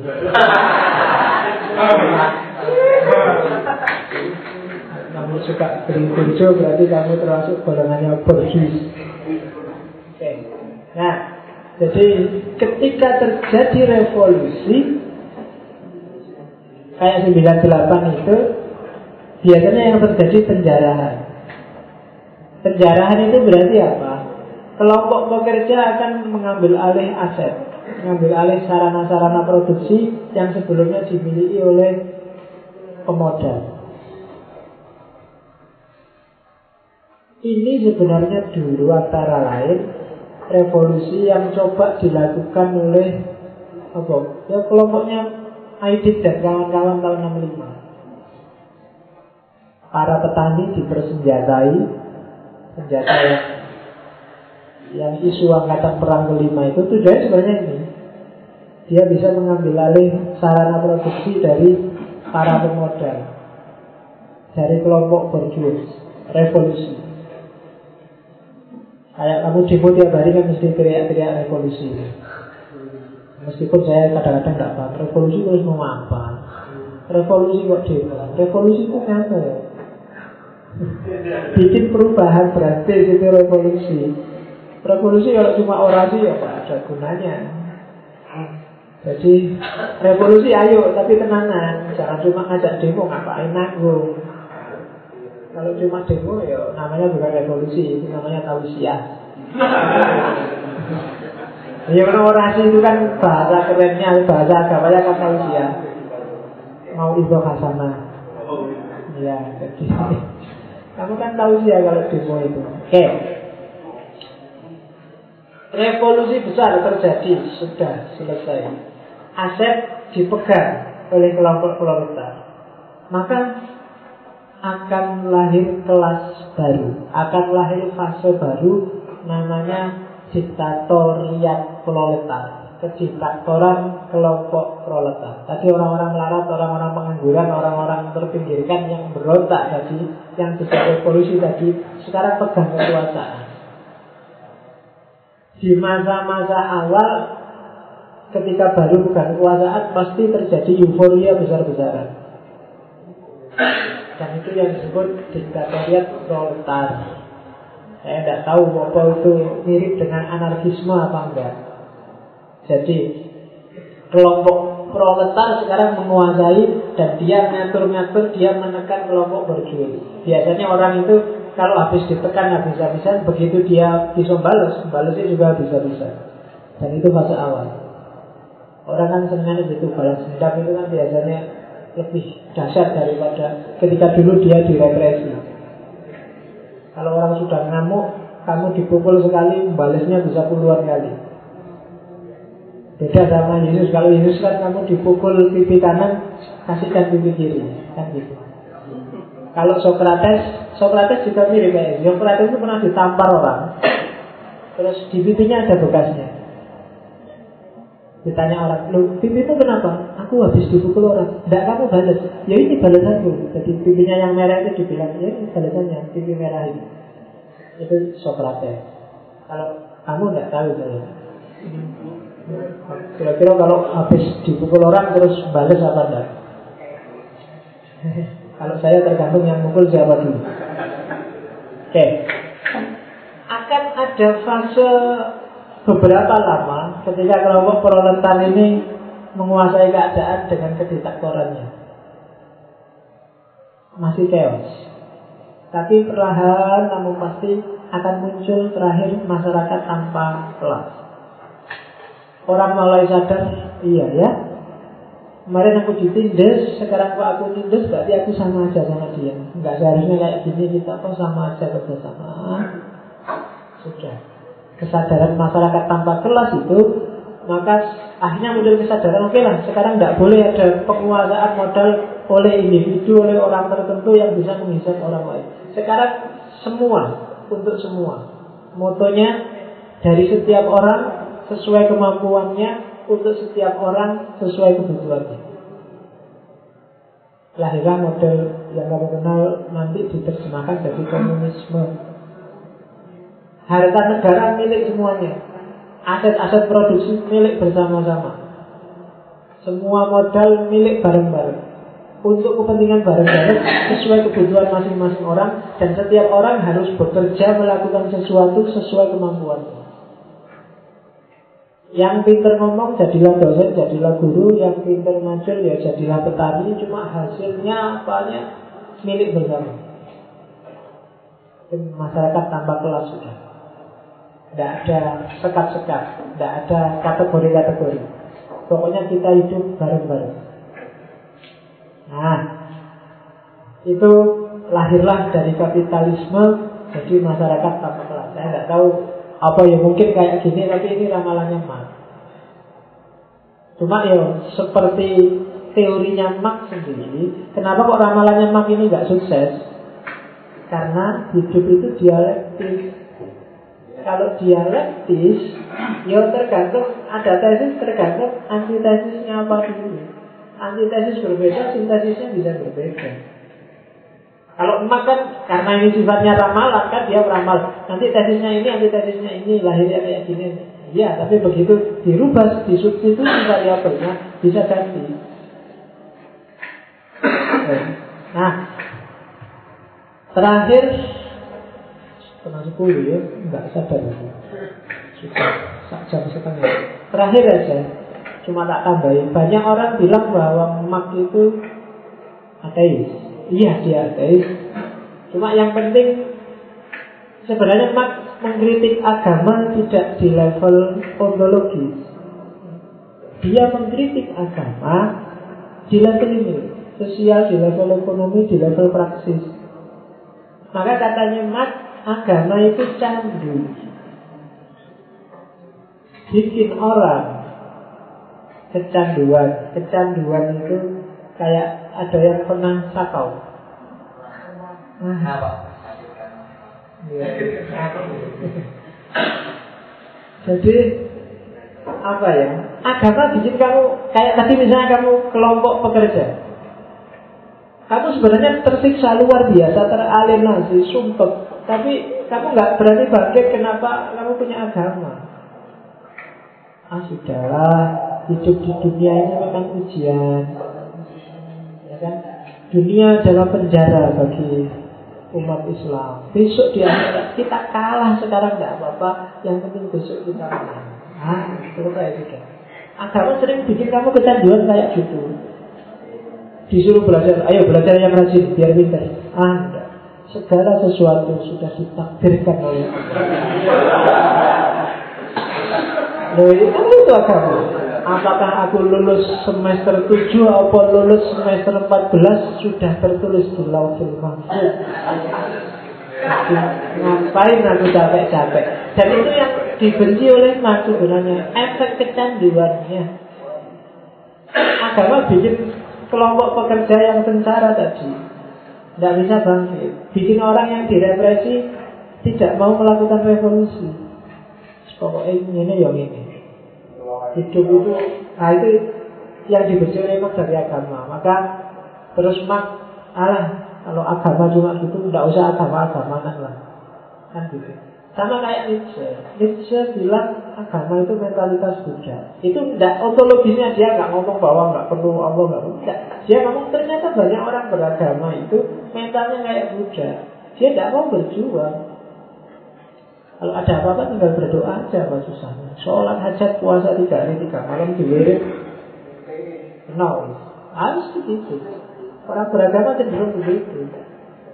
Dan itu yang dikritik oleh Marx, dikritik oleh Nietzsche. Jadi keberagamaan yang bikin kamu mabuk. Orang yang punya agama begitu dia kalah biasanya cari dalih agama terhadap kekalahannya. Kalau cuma kayak gitu mungkin nggak punya agama katanya mah. Begitu kamu kalah bangkit lagi berjuang. Itu yang sangat terkenal sehingga terus dia disebut anti agama. Jadi yang dimaksud anti agama berarti dia anti dengan cara beragama seperti cara kita selama ini. Cara beragama yang membius, menghilangkan kesadaran sosialmu, menghilangkan kesadaran ekonomi, menghilangkan kesadaran terrepresi. Kamu nggak sadar bahwa kamu itu sedang terrepresi, tapi kamu merasa pokoknya ya kayak gini nih hidup yang diridhoi oleh Allah ya selesai sih. Makanya kenapa Islam sampai hari ini nggak bangkit-bangkit antara karena mentalitas ini. Gitu. Apalagi banyak orang yang suka dengan sufi-sufi ekstrim yang torekot, uzlah, kholwat, itu ya selesai. Bukan salah, tapi momennya nggak pas. Para sufi itu jangan salah loh, kok anggap Ibnu Arabi itu konglomerat. Ghazali itu kaya raya. Waktu dia mengalami sakit bingung mencari kebenaran itu hartanya banyak. Dia rektor di Nizamul Muluk zaman itu. Dan dia Cuma karena dia sufi, orang-orang sufi ini hartanya banyak cuma tidak terikat dengan hartanya. Kalau kita kan biasanya kewali. Yo, karena saya melarat maka saya ikut sufi kan. Jadi nyufinya kepeksa. Kalau uangnya banyak ya enggak pak. Kalau uangnya banyak emang-emang berfolwat ngapain? Baru kalau nggak punya uang folwat. Kan itu yang mentalitas kita. Dan itu yang bikin Islam susah banget bangkitnya. Kalau ingin segera bangkit, mentalitasnya diganti. Jangan mentalitas cengeng. Allah jangan terus jadi kambing hitam, kemalasanmu. Karena selama ini kan gitu. Allah itu selalu jadi hitam kalau ada apa-apa. Allah takdirnya. Allah sudah menentukan. Sudah tertulis di lauhul mahfuz. Susah di dunia tidak apa-apa, yang penting saya di akhirat. Ditolak padahal tidak apa-apa, yang penting besok dapat bidadari. Tidak punya uang, tidak apa-apa, yang penting besok masuk surga. Ya, selesai udah hidupnya. Dan berat, itu yang diri itu memang. Dan kalau memang kayak gitu pola kita, berarti betul kata-katanya mah. Agama ternyata bikin kita kesanduan. Orang lagi sako kan gitu. Dia nggak ngerti realitas apa, pokoknya dia merasa enjoy aja, merasa enak aja. Nanti kalau kamu sadar, kamu bangun, jangan-jangan kamu kaget. Dan itulah maaf Oke, okay, materialisme histori. Semoga sudah dapat gambaran sedikit-sedikit. Ah, ada yang tanya.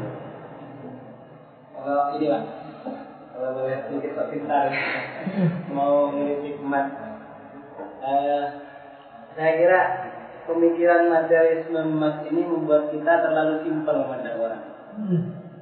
Nah, berangkat dari dia tadi kan menggebrak apa teori dialektikanya Hegel gitu kan dia berangkat dari uh, satu asumsi yang berlawanan dengan Hegel sehingga dari situ dia sangat apa ya pemikirannya sangat berbeda sekali dan uh, saya pernah baca buku Michael Lastin dia seorang Marxis tapi kemudian dia mencoba untuk mendialektikakan pemahaman Marxisme dengan pemahaman seperti itu yang masih merajalela strukturalisme. Bagi dia, oke, okay, ekonomi adalah basic structure. Ya, dia yang me, apa, melahirkan segalanya, pemahaman baik tentang agama, bahasa, baik tentang sastra dan sebagainya. Tapi kesalahan Marx menurut dia itu uh, dia justru mematahkan dialektikanya sendiri dengan asumsi kalau apa namanya ekonomi itu basis struktur terus agama budaya bahasa itu yang uh, apa di atasnya. Namanya? Superstruktur ya pak? Nah, justru itu akan mematahkan dialektikanya sendiri kenapa kalau saya boleh mengkritisi uh, tadi Marx mengkritisi agama di level aksiologisnya, maka secara aksiologis juga banyak sekali yang dikritisi. Dengan pandangannya ini, Marx justru terkesan menjauhkan apa ya memutlakkan ekonomi sehingga akhirnya kita tidak bisa melihat seperti tadi Bapak terangkan Al Ghazali, Arabi itu fenomena. Bagaimana mereka kaya tapi mereka sufi. Kita terkadang berpikir memandang orang sekarang, wah dia kok sufi ya, deloen, kiri, lihat aja dompetnya, dia nggak punya apa-apa. Nah, nah, itu kita terlalu apa ya? Kita cenderung seperti itu dengan pemikiran maksiat itu di tataran eh, apa namanya epistemnya. Kemudian aksiologisnya, kadang itu nggak teruji sejarah apa yang dipaparkan Marx baik itu eh, ramalan-ramalannya tadi buktinya sekarang banyak negara-negara sosialis yang awalnya sangat mengagung-agungkan Marx seperti Rusia, Cina ternyata dia diam-diam malah beralih kiblat ke kapitalis. Dan justru uh, yang diperlukan mungkin kalau kembali kepada Marxianisme yang diperlukan itu adalah reformasi intelektual seperti katanya Gramsci. Bukan karena apa? Monotonnya Marx itu di tataran aksiologis dia ketika sudah beranggapan segalanya itu berawal dari benda dan oleh karena itu dia harus mereformasi total sistem dengan dasar kebendaan itu semuanya harus diambil alih maka langkahnya dia monoton Sedangkan Gramsci walaupun dia Marxian, dia cenderung lebih intelektual. Bagaimana itu teruji sejarah dengan mungkin hadirnya kayak Aflatun gitu, Aflatun di Eropa pada saat itu diawali dengan mungkin gebrakannya Galileo yang mengatakan heliosentris macamnya. Itu kan reformasi intelektual. Ada semacam dialektika antara ide dengan yang kasat mata, yang yang material dan material dengan ide saling berdialektis. Ah, simak cenderung mematahkan dialektikanya sendiri. Ketika ada melakukan semua kebendaan, maka nggak ada dialektika lagi. Semuanya kembali ke benda. Yang budak akan di bawah, yang kaya pasti menang, yang miskin pasti kalah. Itu cenderung seperti itu, sehingga kita memandang orang pasti seperti itu. Orang begini, nah dia kan kiri. Orang begitu, wah dia kaya, dia bisa seperti itu. Padahal seperti Al Ghazali dan Ibn Arabi itu fenomenal. Gitu. Dia ada, dia sufi tapi dia kaya. Mungkin menurut Bapak bagaimana?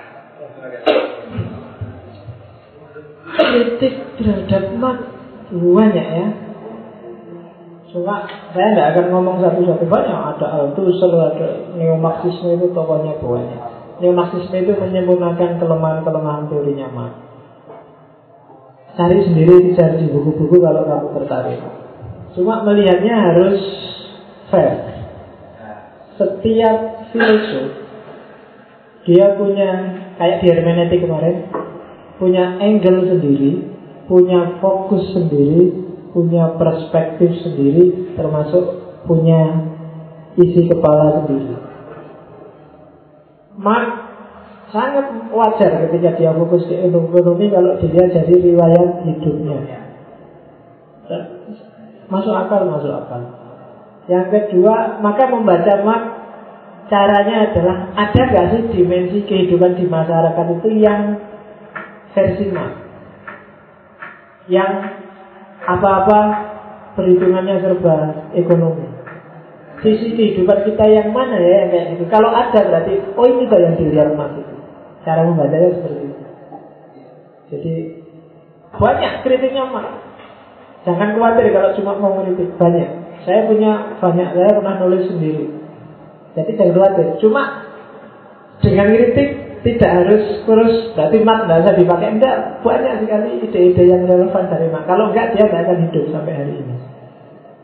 Terus gitu. Jadi ya, ya termasuk Ghazali. Sufi kok kaya? Ya.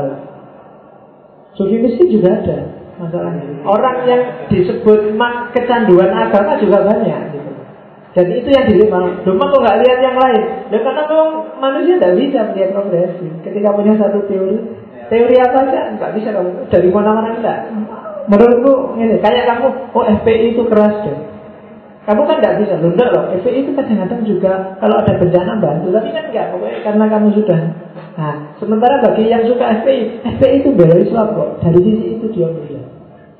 Dan persis, Marx juga kayak gitu. Jadi jangan khawatir kalau ingin ngeritik Marx, kalau butuh tak kasih banyak. Cuma nggak mungkin tak sampai ini. Serius, termasuk Gramsci. Gramsci kan dikenal juga neomarxian. Jadi caranya gitu.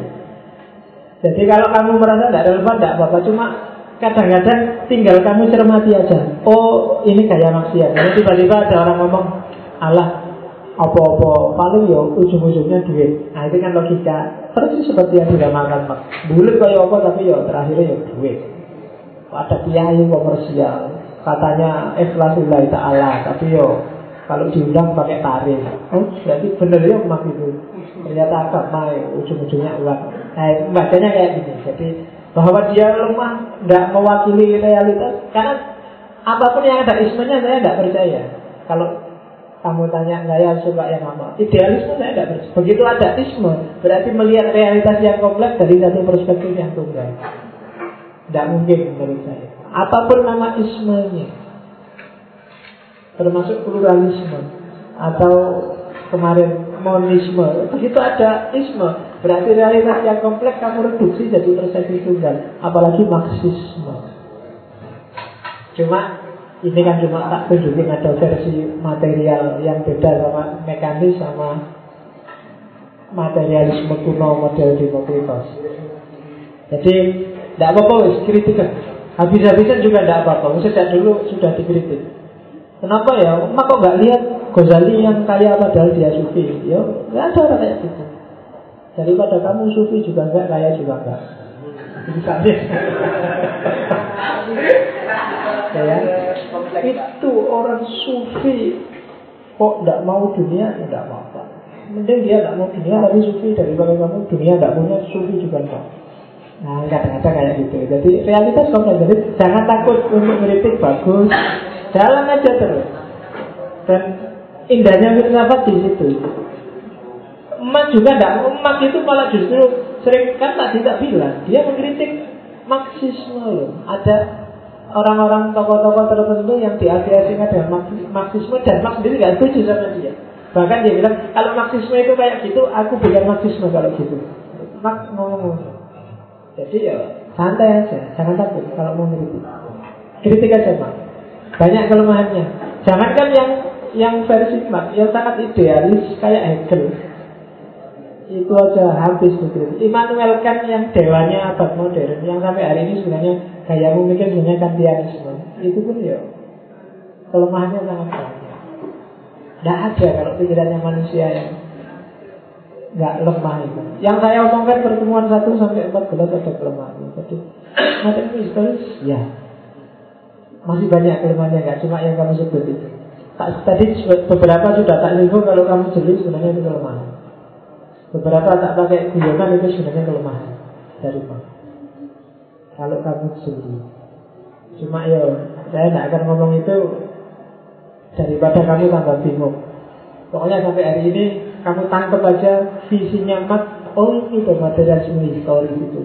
Yang dari sini terus Lenin kemudian mau kemudian Stalin merumuskan ideologi yang namanya komunisme. Dan orang Cina, orang Rusia meskipun ambruk sistem komunismenya tapi masih banyak yang percaya bahwa ambruknya itu bukan karena dia pakai komunisme. Tapi ada faktor-faktor lain yang bikin dia ambruk. Mungkin karena peradaban besarnya pakai kapitalisme, maka mereka tidak kuat karena untuk bisa bikin sistem yang komunistik itu harus kompak. Karena ini hidup bersama. Kalau sendiri-sendiri tidak akan.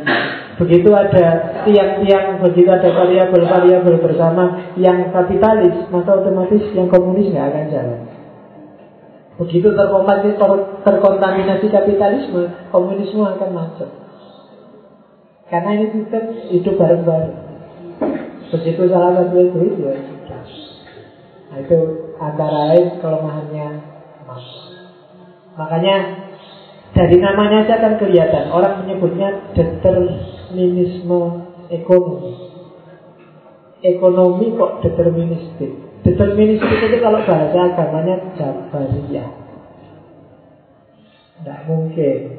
Maka istilah itu aja mungkin semacam kritik terhadap Masa sistem kok deterministik?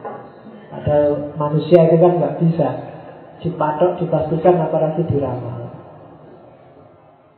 Oke, ada lagi.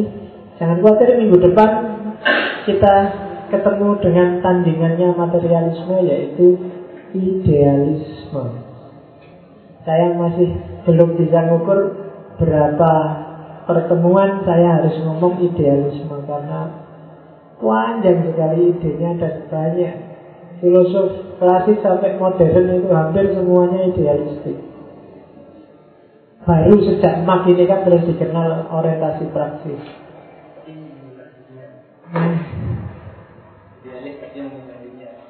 ya. Makanya yang dikritik maka bukan kok jadi mak itu sebenarnya kayak ngiritik Plato. Nggak mungkin ide kayak Hegel itu kan dari ide terus ada implikasi praktisnya. Nggak kayak gitu kalau di mak. Dari realitas kenyataan sehari-hari kemudian baru dikonstitusi ide. Kalau ada orang ide dulu kayak di Hegel itu pasti tautologis tidak mengakar. Itu aja sebenarnya mengikuti Marx. Jadi Marx sangat muridnya Hegel, cuma dia membalik aspek dialektika yang sifatnya metafisik dijadikan dialektika yang sifatnya realistik. Itu aja. Jadi kalau disebut anti juga tidak, orang dia melanjutkan gurunya. Hegel itu gurunya dan dilanjutkan dari metafisik jadi realistik. Oke ya, sudah ngantuk kelihatannya. Masih ada yang tanya? Enggak ada. Iya lah, dipikir nggak ada aja lah. Sudah jam 10 Oke, Insya Allah kita akan ketemu lagi minggu depan. Saya akhiri sekian. Assalamualaikum warahmatullahi wabarakatuh.